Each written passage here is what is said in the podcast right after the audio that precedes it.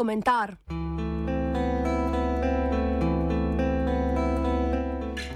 Onkraj verskega pokrivala.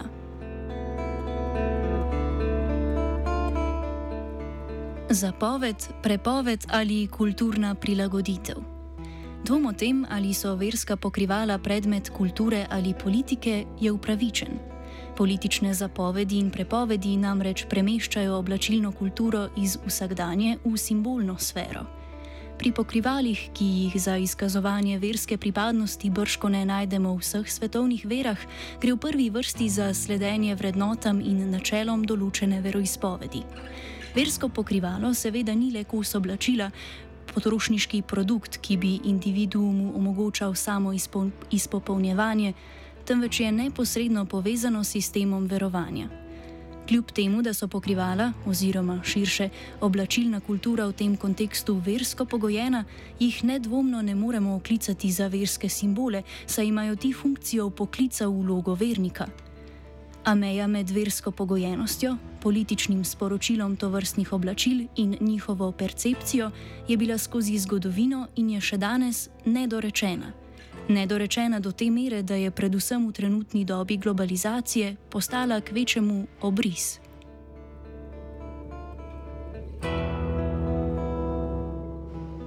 Ko so na Bližnjem vzhodu z judaizmom vzcvetele abrahamske religije, so bila verska pokrivala, Ta bomo v obravnavi zgolj, za, bomo v obravnavi zgolj zaradi trenutnega družbenega momenta omejili na ženske, predvsem znak razkošja.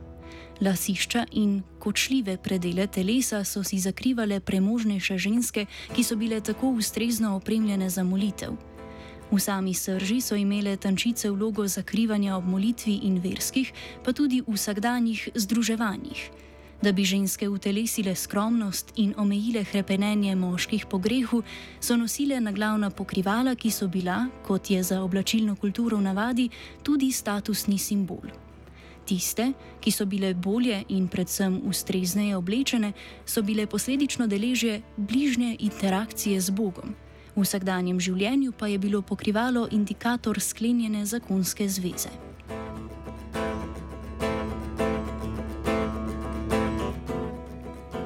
V sedmem stoletju se začne s prerokom Mohamedom obdobje hitrega širjenja islama, tretje velike abrahamske vere, ki jo nedvomno največkrat povezujemo z verskimi pokrivali. Namembnost verskih pokrival v islamu brško ne sledi krščanstvu in judovstvu, pa čeprav muslimanska sveta knjiga Koran nikoli ni izredno zapovedovala zakrivanja ženskega telesa.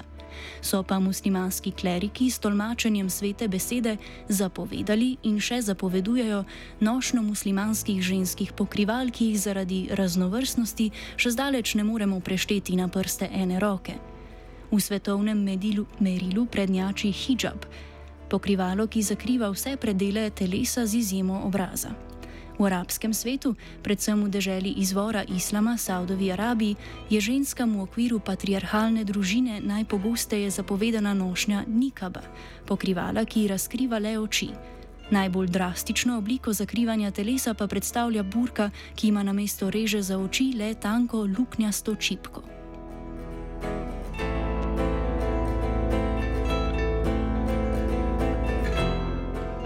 Zakonsko so muslimanska pokrivala zapovedana v treh državah.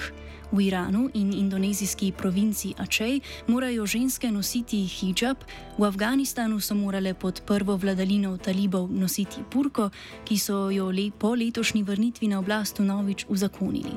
V preostalih delih muslimanskega sveta je zapovedovanje ženske oblačilne kulture prepuščeno lokalnim skupnostim in je v domeni moških skrbnikov.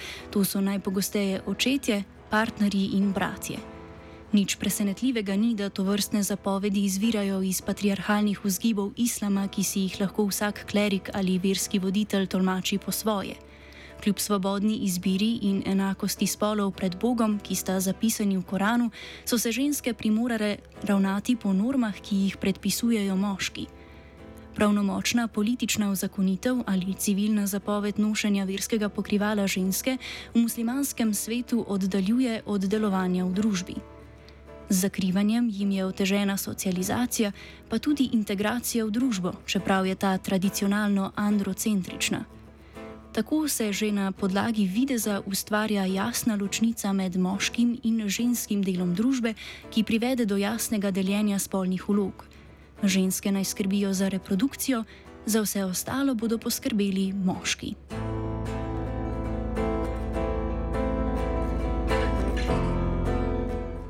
Oblačilo torej v tem kontekstu postane politično urodje prevencije enakosti in ohranjanja androcentričnosti družbene ureditve.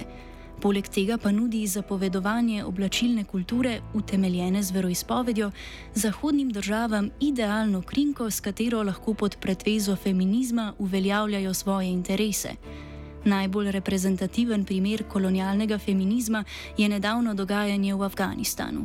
Pod prvo talibsko vlado so imele ženske le minimalne pravice in v javnosti se jim je bilo dovoljeno pojaviti le v burki. Po pacu talibanov se ni kaj dosti spremenilo. Zahodna zasedba Afganistana žensk ni opolnomočila, ravno obratno. Val globalnega liberalnega feminizma je v upanju na spremembo pod krinko opolnomočil zasedbo. Zasedbe ni več, zato so se vrnili zakoni, ki predpisujejo nošnjo burke.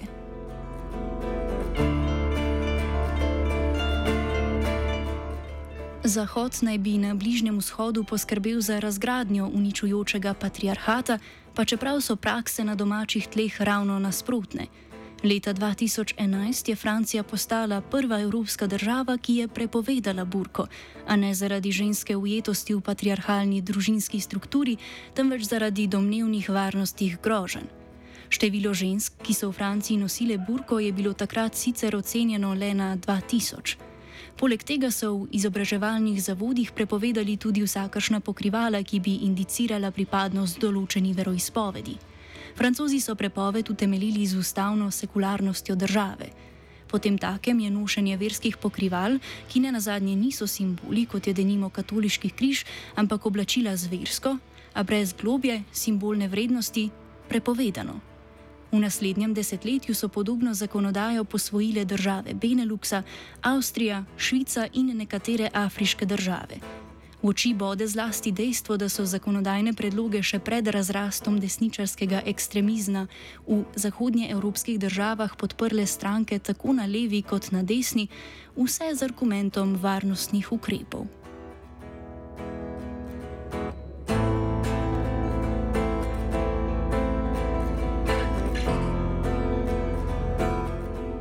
Diskrepanca med poseganjem v notranjo politiko zoper patriarhat na Bližnjem vzhodu in prepovedmi na evropskih tleh je v bistvu korelacija. Zapoved nošenja verskega pokrivala v Afganistanu denimo onemogoča socializacijo in integracijo, v Evropi pa sta ti oteženi zaradi prepovedi. Zakonodaja, ki kriminalizira oblačilno kulturo islama, reprodu reproducira stigmo, ki je v ranljivem obdobju sekundarne socializacije izrazito prisotna v izobraževalnih ustanovah. Kriminalizacija verskih pokrival zgolj zaradi varnostnih groženj pripadnike verskih manjšin še dodatno marginalizira. Ne zanikamo dejstva, da je prepoved nekaterih najbolj drastičnih vrst verskih pokrival v kontekstu razgradnje patriarhata smotrna, a implementirana, bi, a implementirana mora biti z utemeljenimi razlogi. Islamofobija oziroma strah pred udorom tujega pač ni konstruktiven argument.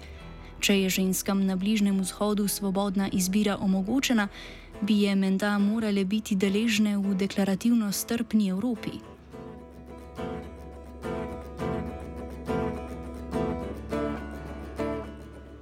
Morda bi bila v zahodnih družbah bolj smiselna od prepovedovanja uveljavitev nekakšnih izjav o neodvisnosti mošk, od moškega skrbnika. Ženska, ki želi nositi burko ali drugo vrsto pokrivala, naj ga nosi, vendar naj bo to pogojeno s pisnim potrdilom o samoinicijativnosti njenega ravnanja. Seveda bi to povzročilo le še eno od mnogih birokratskih zagad, a bi vsaj formalno začrtalo mejo med prisilnim in samovoljnim.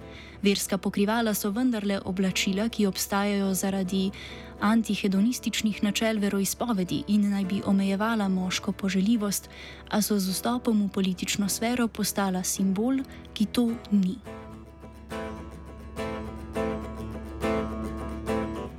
Komentiral je Matija.